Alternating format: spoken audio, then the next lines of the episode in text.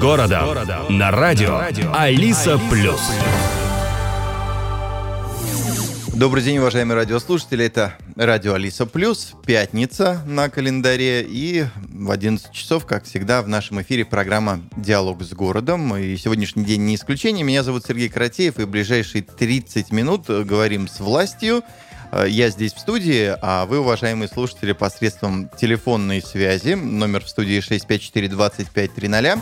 Вопросы сегодня можно будет задавать первому вице-мэру Алексею Васильеву, он уже в нашей студии. Здравствуйте. Здравствуйте, Сергей. Здравствуйте, уважаемые радиослушатели. Приглашаю смотреть также нас в Фейсбуке. Если не удается дозвониться, там же в комментариях под трансляцией можете оставлять вопросы. Я постараюсь их все озвучить в эфире. А начнем с того, что недавно самоуправление сообщило о снижении тарифа на отопление. Снижение цен эм, в наше время это что-то такое сейчас достаточно необычное, необычное явление. Расскажите, как удалось достигнуть понижения стоимости отопления? Э, да, конечно, э, расскажу, но сначала бы мне хотелось выразить все-таки признательность свою э, работникам Даугавпилс Силтум Тикли, потому что в этих достаточно сложных условиях они показали себя действительно ответственными, очень знающими специалистами и решали действительно очень сложные задачи. Я хочу вам напомнить, что долгие годы Даугавпилское самоуправление, как такой Вадлиниес для своего развития э, применяла то, что тепло должно в основном закупаться у частных структур. И еще полтора года назад, когда мы, в общем, начали свою работу, приблизительно 50% производимого тепла город закупал. Э, у частных предпринимателей. Они в основном работали с э, производством электроэнергии, вот этот э, знаменитый ОИК, на котором очень, скажем, большие деньги были потрачены людьми. Но попутно производится тепло, и это тепло вливалось в даугупилские сети для обогрева помещений наших. Так вот, как только наступил кризис, мгновенно эти частные предприниматели испарились, обвинять их, собственно, не в чем, им перестало быть выгодным, и кто же будет производить себе в убыток. И, в общем, Даугавпилс оказался перед серьезнейшим вопросом, а что мы, собственно, будем делать, если производим только 50% от необходимого тепла? Это люди замерзнут, поэтому главная задача на вот этом этапе длиной, дороги длиной в год была именно то, что нам нужно обеспечить не 50, а почти 100% процентов вырабатываемого тепла. Сами понимаете, такой скачок, это должен был быть произведены очень серьезные работы, в том числе на Daugavpils Silton Текли. И вот теперь уже, а, отвечая на ваш вопрос, а, можно сказать, что а, в начале года когда производилась закупка газа для тепловых сетей, на конкурс пришел только один э, заявитель, это был э, Латвэнерго. И, собственно говоря, по той стоимости, которая и была заложена, 256 евро за мегаватт-час, городу пришлось заключать договор. Других предложений не было.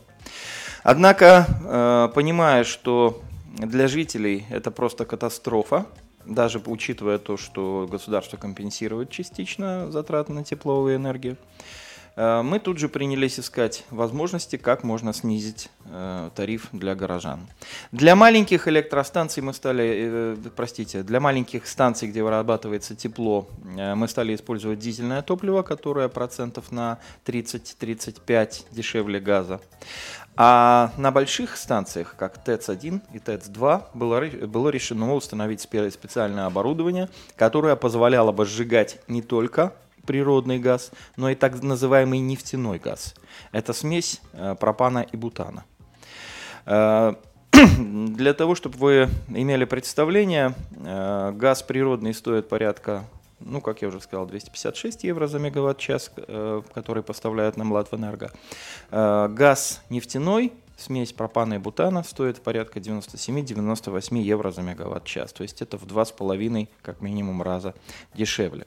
Кроме того, конечно, на полную мощность уже заработала наша котельная на щепе, которая была построена и принята в прошлом году в, в эксплуатацию. И таким образом на данный момент снижение составляет порядка 20% снижения стоимости, то есть мегаватт-часа. Снижение тарифа, так это правильно назвать. К сожалению, к большому сожалению, мы не можем сразу же Э, выставить э, вот такой новый тариф в счетах для горожан. Связано это с э, законодательством, которое существует в Латвии. Если предприятие самоуправления, неважно, Силтум Тикли, или это Уденсвац, или это Satiksme, решает изменить цены, стоимость какую-то свою, она должна обратиться в регулятор общественных услуг. Комиссия по регулированию общественных услуг, ну, одним словом, регулятор, э, которые в течение месяца рассматривают э, вот, значит, работу предприятия, делают оценку, насколько объективен, скажем, объективно повышение тарифа или снижение тарифа, и только через месяц они разрешают э, это снижение. То есть в Даугавпилсе это произойдет с 1 марта, и э, тариф будет порядка 105 евро вместо 175, который существовал. Ну, с компенсацией я уже считаю, э где-то порядка 105 евро за мегаватт-час. Вторая новость, э, которая не может не радовать, это снижение тарифа на воду и канализацию. Когда произойдет это снижение и по каким причинам снижен этот тариф? Э, но здесь немножко более легкий процесс, чем тот, который происходил на теплосетях. Уденсвац, по сути дела, большинство расходов, которые несет Уденсвац, они связаны с использованием электроэнергии. Потому что поднять воду э, до там, пятых этажей, допустим, да даже до первых этажей, э, потом, значит, э, определенным образом прокачать канализационные потоки и так далее, и так далее, это все связано с большим расходом электроэнергии. Еще в начале зимы, где-то в декабре месяце мы дали распоряжение, когда цены вот пика достигли на электроэнергию, мы дали распоряжение э, руководителю Уденсвац Елене Лапинской э, внимательно отслеживать тенденции э, на рынке электроэнергии и необход, в необходимый момент э, сделать закупку и перезаключить договор.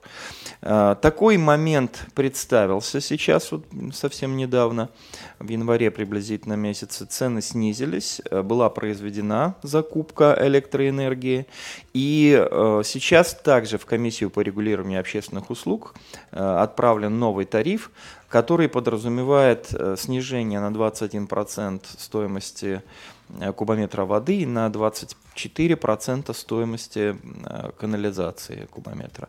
То есть, ну, в общем, в среднем где-то 22-23% э, снижения тарифа на вот эти услуги, что, конечно, нас тоже радует.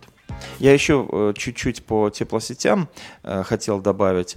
Знаете, в чем еще я очень благодарен работникам, это то, что в этом году перестройку системы для того, чтобы мы могли сжигать не, не природный газ, а смесь пропана и бутана, она происходила во время отопительного сезона. То есть вы понимаете, да, допустим, два котла стоят, один котел отключается, на нем производят ремонтные работы, э, затем, э, значит, используется вот этот котел, на которых уже провели, останавливается второй, и так попеременно э, происходила работа, ну, то есть всю сразу нельзя технологически произвести, ну, то есть работники очень приложили много сил для того, чтобы горожане были в тепле и чтобы э, стоимость этого тепла снижалась. 654 25 300, номер телефона прямого эфира. Сегодня э, первый вице-мэр Алексей Васильев в студии радио Алиса Плюс и готов ответить на ваши вопросы. Звоните, пожалуйста, задавайте. Как известно, в реалиях нашей жизни мы все чаще слышим все-таки о повышениях цен. Одна из сфер городской жизни, которая требует больших затрат, это сфера городского транспорта. Пока самоуправлению удается сохранять стоимость проезда в городских автобусах и трамваях, Надолго ли сохранится сегодняшняя цена билетов и грядут ли изменения в стоимости проезда на общественном транспорте? Э, очень актуальный вопрос. Я э, понимаю э, беспокойство горожан, и, вы знаете, оно на самом деле обосновано. Но все дальнейшее, что я сейчас скажу, и это, кстати, будет касаться не только, наверное, Daugavpils Satexmen, но и, и других отраслей нашей жизни –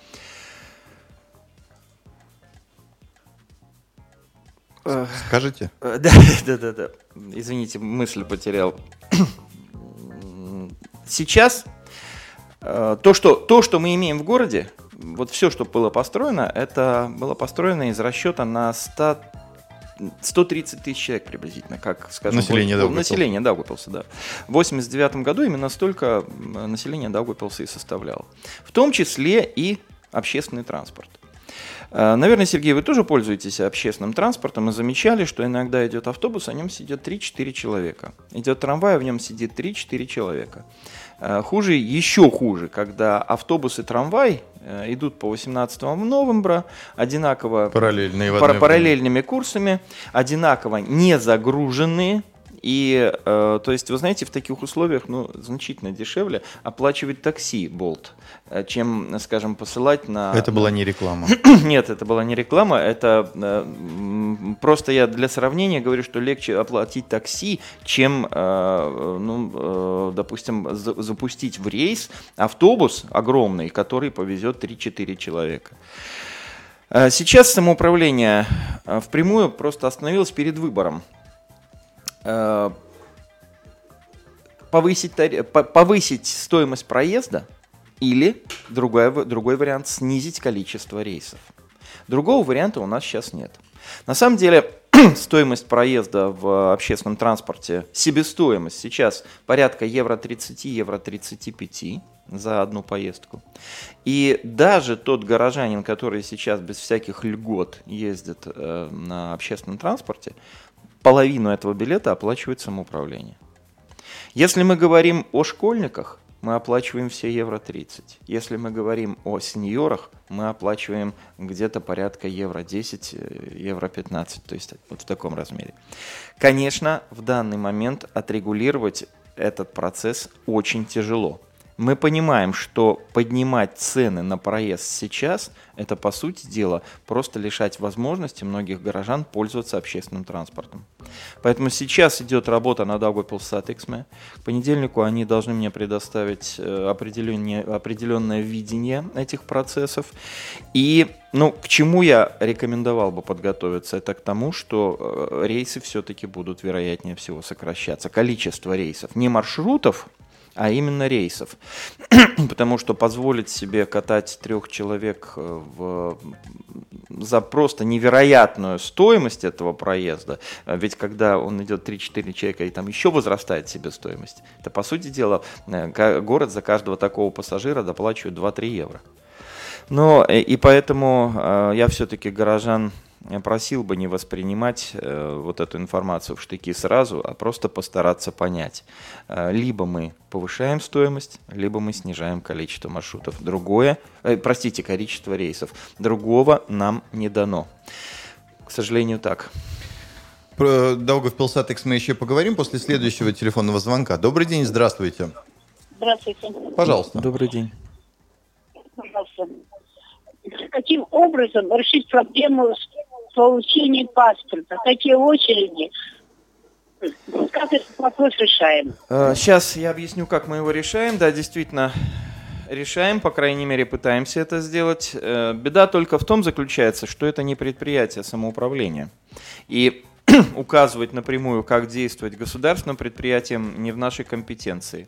Тем не менее, несколько раз мы вместе с мэром отправляли запрос и в письменном виде, и звонили в руководство э, значит, миграционной службы, которая выдает э, паспорта и э, айдишки, и рассказывали о ситуации в Даугавпилсе.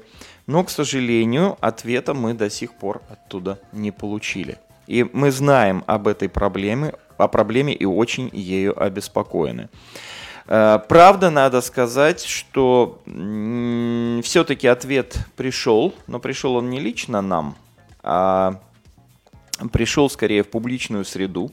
Э, Марис Кучинский заявил о том, что э, могут быть, ну здесь я говорю об общих проблемах, там и касается и вот получения вида на жительство, и, и вот этих ID-документов и так далее, что могут быть пересмотрены сроки получения Обязательный, скажем так, срок получения ID или паспорт, ID документов и паспортов в том числе был закончить до 1 июня 2023 года. Особенно это касается ID-карт.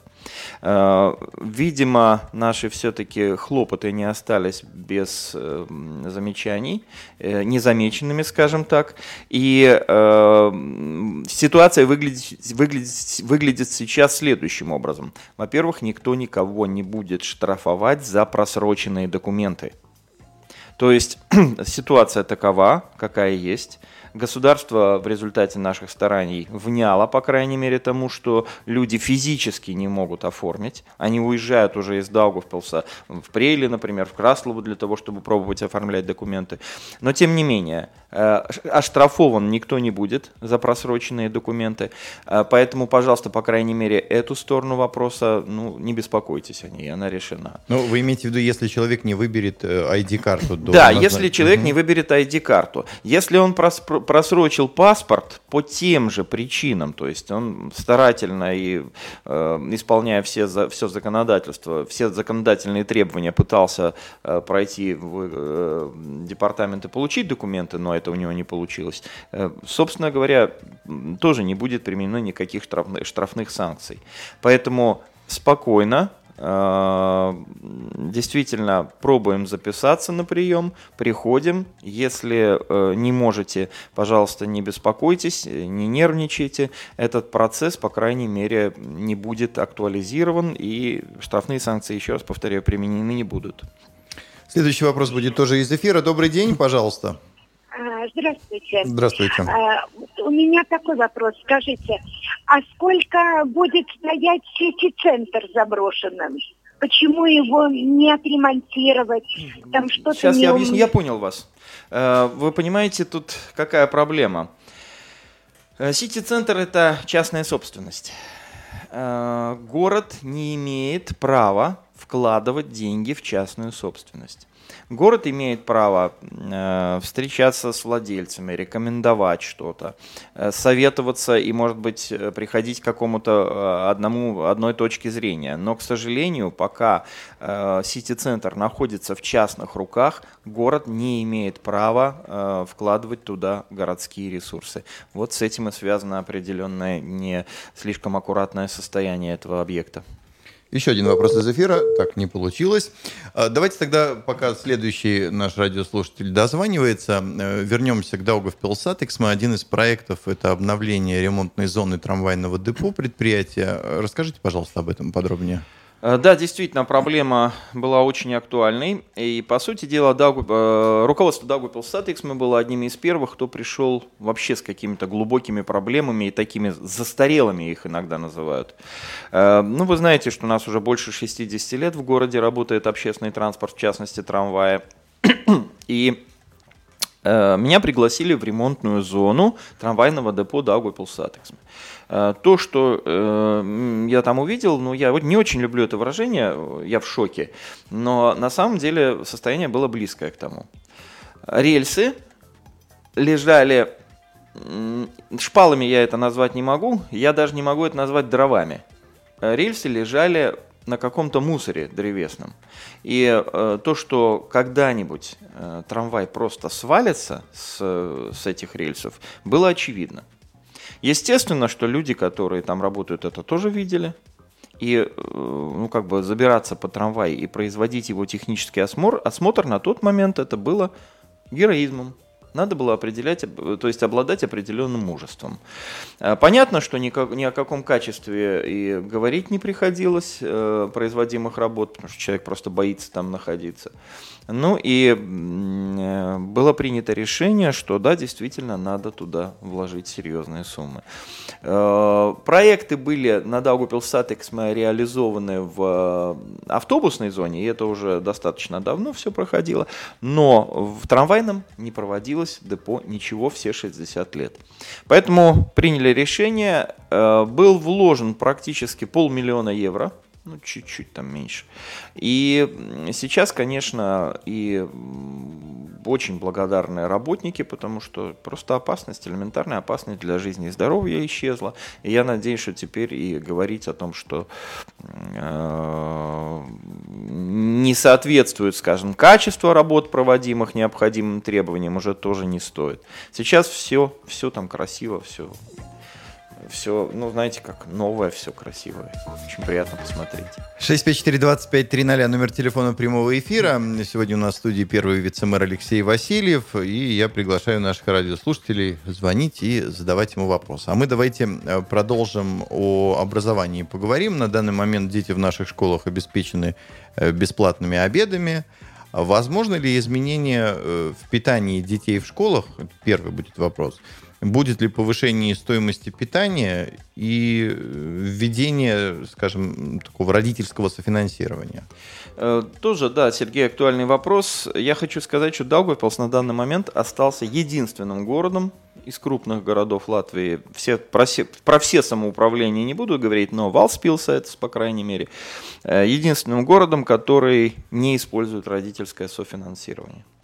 Э, на данный момент, ну, первую, скажем, первый семестр, то есть первую часть учебного года мы уже продержались, и э, все говорит о том, что мы будем стараться продержаться и вторую часть учебного года, второй семестр, то есть до 31 мая мы планируем детей кормить. Э, что будет с 1 сентября, крайне тяжело предположить. Дело в том, что если продолжатся такие скачки э, стоимости продуктов, которые сейчас есть, то говорить о том, что мы сможем э, продолжать э, бесплатно кормить детей и в следующем году уже не приходится. Э, то, что с 1 сентября софинансирование родительское будет введено точно, но в каком размере пока трудно сказать. Сейчас на предприятии, ну, в Изглитības Парвалде работал специалист, специалист очень серьезный, который исследовал питание в наших школах. И, скажем, такие интересные э, данные вывелись, что я как бы не очень предполагал о их существовании. Ну, например, э, Сергей, ну, вы, наверное, тоже помните, что всегда первыми питаются маленькие дети. Ну, младшая школа. Да. Младшая школа. А последними питаются Самые старшие подростки, то есть 18 там, лет, 17-19, которые учатся в школах. И когда им задали вопрос, а вы с удовольствием едите, у вас хороший аппетит? Маленькие ответили, нет, я не хочу есть. Стали выяснять, почему. Маленьких детей родители обязательно кормят завтраком. Обязательно. И они, приходя в школу, скажем, а очень часто они приходят даже не к 8, а там к 9 часам, без 15, 9, ну что-то такое. А к 11 их уже начинают, ну, ведут дальше кормить в столовую. И они еще не проголодались. А вот э, молодые люди 17, 18, 19 лет, которые спят до последнего момента, вскакивают и несутся в школу, даже не позавтракав, они хотят есть начиная с самого своего входа в школу. И, э, собственно говоря, вот проблема не только в том, э, платить, не платить, но еще и как, и кого кормить. То есть сейчас на самом деле мы будем, я так думаю, очень большое внимание э, уделять и перестраиванию в принципе системы питания в школах. Э, потому что действительно, если ребенок не хочет есть, а его кормят, он оставляет в тарелке то, что ему предлагают. Извините, это очень нерационально с точки зрения экономики. А если тот ребенок, который пришел голодный в школу, идет питаться где-то только после часа дня – то он физиологически не может нормально учиться. Знаете, как вот все эти процессы расщепления, глюкоза для питания мозга там, и так далее, и так далее. У него просто этого нет. То есть надо будет задумываться и об этом. Кроме того, очень многие родители по-разному воспринимают э, сам процесс питания и э, софинансирования родительского. Они говорят, мы с удовольствием заплатим евро, полтора, если надо. Но дайте моему ребенку ту пищу, которую он хочет а не ту, которую вы ему предлагаете. То есть, опять-таки, здесь будет возможность наверняка подумать, может быть, мы разделим часть питания для тех, кого полностью устраивает вот этот комплексный, э, ну, так сказать, обед, мы оставим. А вот ту часть, э, которая, скажем, хочет питаться отдельно, может быть, э, через буфет выгоднее направлять или сделать шведский стол. То есть, ну, здесь э, вопросов достаточно много. Я думаю, что в этом году мы вряд ли успеем, в учебном году, все вот это реализовать в жизнь, все эти вопросы и мысли. Но то, что работа над этим идет, и с 1 сентября, вероятнее всего, мы будем уже предлагать что-то новое нашим школам, вероятнее всего так. 65425 300, номер телефона прямого эфира. Первый вице-мэр Алексей Васильев, сегодня гость нашей программы. Добрый день, здравствуйте. Здравствуйте, пожалуйста, ваш вопрос в эфире. А, здравствуйте. Здравствуйте. Будьте любезны, скажите, пожалуйста, когда продлят статус до 500 евро? Что? Еще раз будьте любезны. Э, ну, До 500 евро когда-то обещали э, потолок. Потолок Да, чего, извините? Сейчас, сейчас 436 евро. Э, 436 евро что? Я не очень понимаю, о чем вы говорите. Ну вот статус дают на 436 евро. А, вы имеете в виду когда-то парвалда на выплаты, да? Э, Значит, э, здесь э, определяет государство своим законодательством, э, каков уровень дохода должен быть у человека, чтобы он или его семья были признаны малообеспеченными, малоимущенными, э, клиентами с- стали социалет парвалда и так далее. Здесь мы сами э, не э, выдумываем ничего. Это конкретно государство определяет, сколько человек должен иметь доход, чтобы подход в государстве был одинаковым. Не было такого, что в Риге, скажем, э, один подход, в Даугавпилсе другой, в Лепо и третий и так далее. То есть малообеспеченный, он по всей стране малообеспеченный, потому что именно столько государство определило э, вот это, ну так сказать, тот уровень, после которого он становится малообеспеченным. Поэтому здесь, к сожалению, извините, я не могу вам ответить за государственные службы. Следующий вопрос. Ага. Что-то не получилось. 654 25 300. Еще раз попробуем. Да, добрый день, здравствуйте. Алло, здравствуйте. Здравствуйте. И, э, скажите, нельзя ли опубликовать расписание городского транспорта в газете «Миллион», где много и? Э, Газета «Миллион» — это частное издание. Э, Я не знаю, насколько это, э, скажем, редактор, владелец пойдут на это навстречу, надо связываться с ними. Я думаю, что, в принципе, они не будут против. Но, понимаете, один раз э, напечатали этого мало, надо, наверное, ка- каждый раз печатать. На самом деле, э, очень много возможностей сейчас и на городском сайте, и на сайте. Daugavpils.Satiksme, и на город ЛВ, и на гранях, по- по-моему, во всех, ну, практически во всех э, средствах массовой информации эта информация есть. Но в электронном виде, правда. Ну, тут время идет вперед, мы ничего не можем с этим сделать. Необходимо привыкать как-то к этому. 654 25 300, номер телефона в студии. Еще несколько минут в нашем с вами распоряжении, чтобы задать вопросы первому вице-мэру Алексею Васильеву. Э, Продолжаются оптимизации сети городских образовательных учреждений. Так произойдет объединение 27 и 22 детского садика, а также объединение 21, 23, 26 и 22 детских садов. Для чего все это делается? Э, Немножко надо разделить. 22-й э, детский садик находится в Крыжах. В нем осталось две группы. Э, И, но здание работает, понимаете, в чем дело? То есть здание отапливается, туда поставляется электричество и так далее, и так далее. Но дело-то не только в этом. На это еще как бы самоуправление пока идет. Но дело в том, что директор, заместитель директора, методист, отдельные, то есть, которые работают в этом саду, детей все меньше, меньше, меньше, меньше, меньше. Там две группы небольших осталось. Возможно, там со следующего года вообще-то одна будет. Ну, как бы уменьшается количество детей. Здесь никто никого никуда не выгоняет, но вот естественный процесс такой идет. Поэтому э, детки э, будут ходить пока в этом году, по крайней мере, еще в тот же самый садик, в котором они нахо- находились, 22-й, но просто формально он будет присоединен к 27-му детскому саду, который достаточно большой, и специалисты хорошие работают, и тогда обоснованно и руководство руководство, и заместители, методистам и так далее. Все эти процессы в таком случае обоснованы. Но уже в этом году э, мы задумались о том, чтобы, возможно, обеспечить э, школьный автобус, как это на Западе практикуется, и, скажем, деток из крыжей привести ну, например, на кожзавод, где у них есть выбор, в какой из детских садов они могут идти. Э, и там уже, ну, как бы, э, ребенок может уже к детскому садику, то есть доставляться прямо из, э, от дома до самого детского сада. Вариант такой рассматривается. Я думаю, что это точно дешевле, чем топить достаточно большое здание, учитывая современные реалии и те средства, которые мы вкладываем в отопление. Поэтому вот здесь вот так. Э, еще раз напомню, что структура всего города когда-то была, ну, извините за слово, заточена на 130 тысяч человек. Сейчас ну, в Сколько? половину. А есть официальная статистика?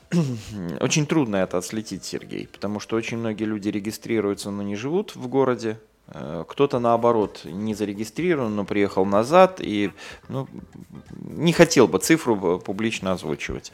Ну а с э, детскими садиками химовскими в принципе та же история. Количество детей уменьшается, и вполне вероятно, что из четырех садов останется три.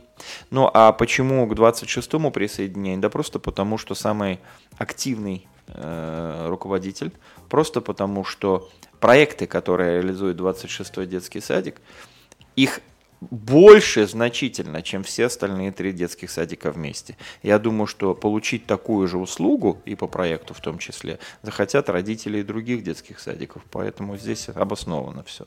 Еще один вопрос будет из эфира. Добрый день, пожалуйста. Алло. Алло, добрый день. Да? Э, подскажите, пожалуйста, такой вопрос у нас. Уже несколько лет мы просим э, в Крыжах э, заасфальтировать нам улицу Виршу который идет мимо частного сектора и один пятиэтажный дом. Мы просто задыхаемся в пыли летом. Э, улица Виршу. Виршу. Э, я сейчас затрудняюсь с ответом, потому что Коммунал Лет Парвалда это немножко не моя компетенция, но э, давайте так, я этот вопрос уточню. Сейчас телефон записали ваш. Да, И э, специалисты коммунального хозяйства с вами свяжутся и ответят, запланировано ли на этот год, скажем, асфальтирование вот этой дороги. Еще один сразу вопрос из эфира. Здравствуйте. Алло, здравствуйте. Пожалуйста. А я хочу обратиться к тому. Вначале вы говорили, что в школе ребенок не хочет кушать. А если вот проверить, э, проверить качество питания в школах? Этим сейчас занимаются. Этим занимаются да, почему активно. Эти дети не хотят? Это я уже не первый раз слышу, да.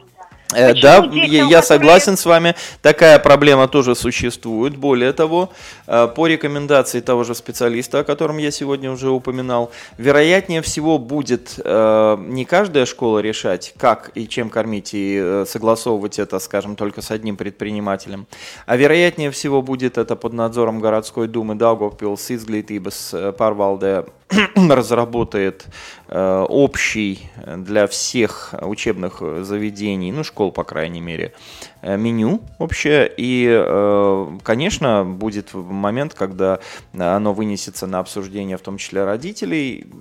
Да, согласен, э, такая проблема тоже существует, но все же, все же, вот поверьте просто мне, как педагогу, который 30 лет практически в школе провел, и в столовой было мое место дежурства, там дети, спрашиваю, невкусно?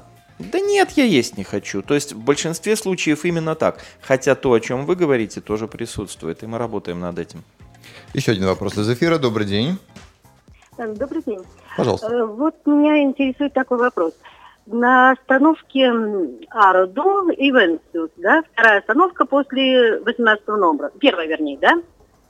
Там, Это если на чем? На, на двойке ехать, в смысле, на, на трамвае? Угу, да, угу. на двойке. Ну, на четверке, на двойке. Угу, да, да. Теперь четверка там тоже ходит.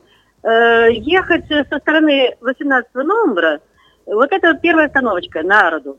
Вы знаете, там просто невозможно выходить. Зимой там никогда не чистится. Машины там несутся просто ужасно.